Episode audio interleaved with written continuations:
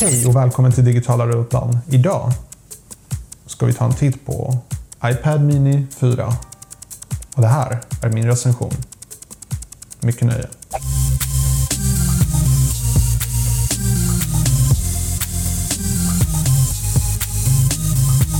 Okej, okay, så som du säkert vet så finns iPads i olika storlekar. Det finns den vanliga storleken som är 9,7, en ny slags anpassning av det som är på 10,5 och så finns det en riktigt stor variant som ligger på 12,9.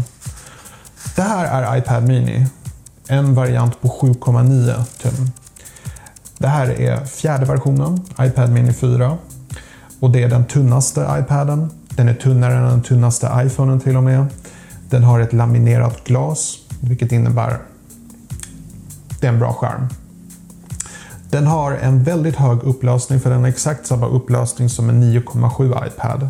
Men i och med att det är en mindre skärm så blir det i princip bättre DPI. Um, ehm, skärmen är riktigt bra, riktigt klar och tydlig, riktigt skarp. Jag tycker om den jättemycket. Den är helt lysande.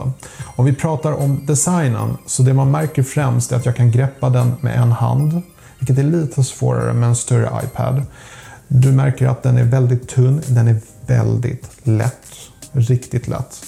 Den är helt enkelt mer kompakt. Det finns de som skulle vilja påstå att iPads ska alla se ut så här kompakta.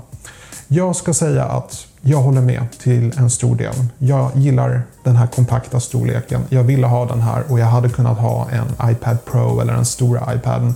Men jag ville ha just den här storleken. Det här är någonting du kan i princip bara slänga in i ryggsäcken och ha på bussen eller tåget eller på flyget.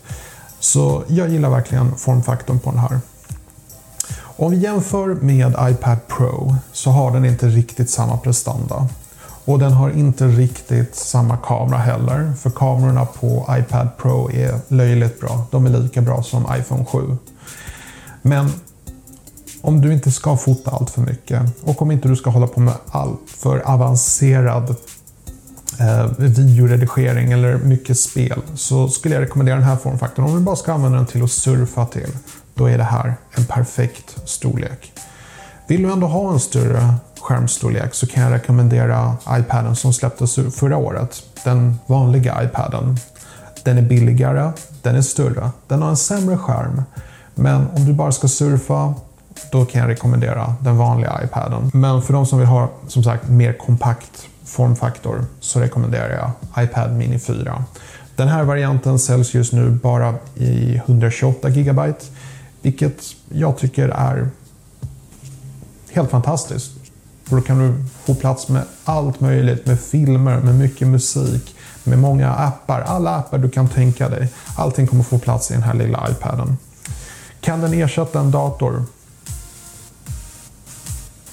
Om du bara använder internet och eh, teknik för att surfa på sociala medier så skulle jag nog vilja påstå att det räcker med en iPad faktiskt. Då, behöv, då är det här i princip en dator. Per definition, en iPad är en PC.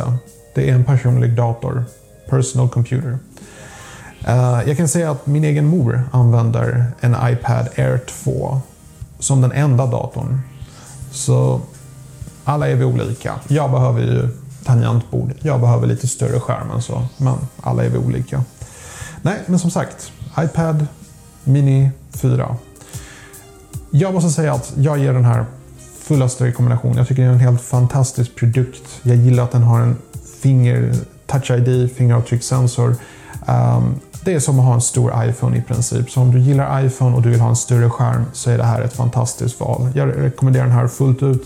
Jag kan faktiskt inte komma på någon nackdel för även om prestandan och kamerorna är sämre än iPad Pro, för det jag använder den till för, vilket i mitt fall är bildredigering, så funkar den helt enkelt, det kan inte bli bättre. Så att eh, det var allt jag hade att säga på den här lilla videon. Hoppas ni tyckte om den. Och eh, om ni har några frågor om min iPad eller om någonting annat så får ni gärna lämna en kommentar där nere. Och då passar jag på att önska er en trevligt fortsatt dag. På återseende.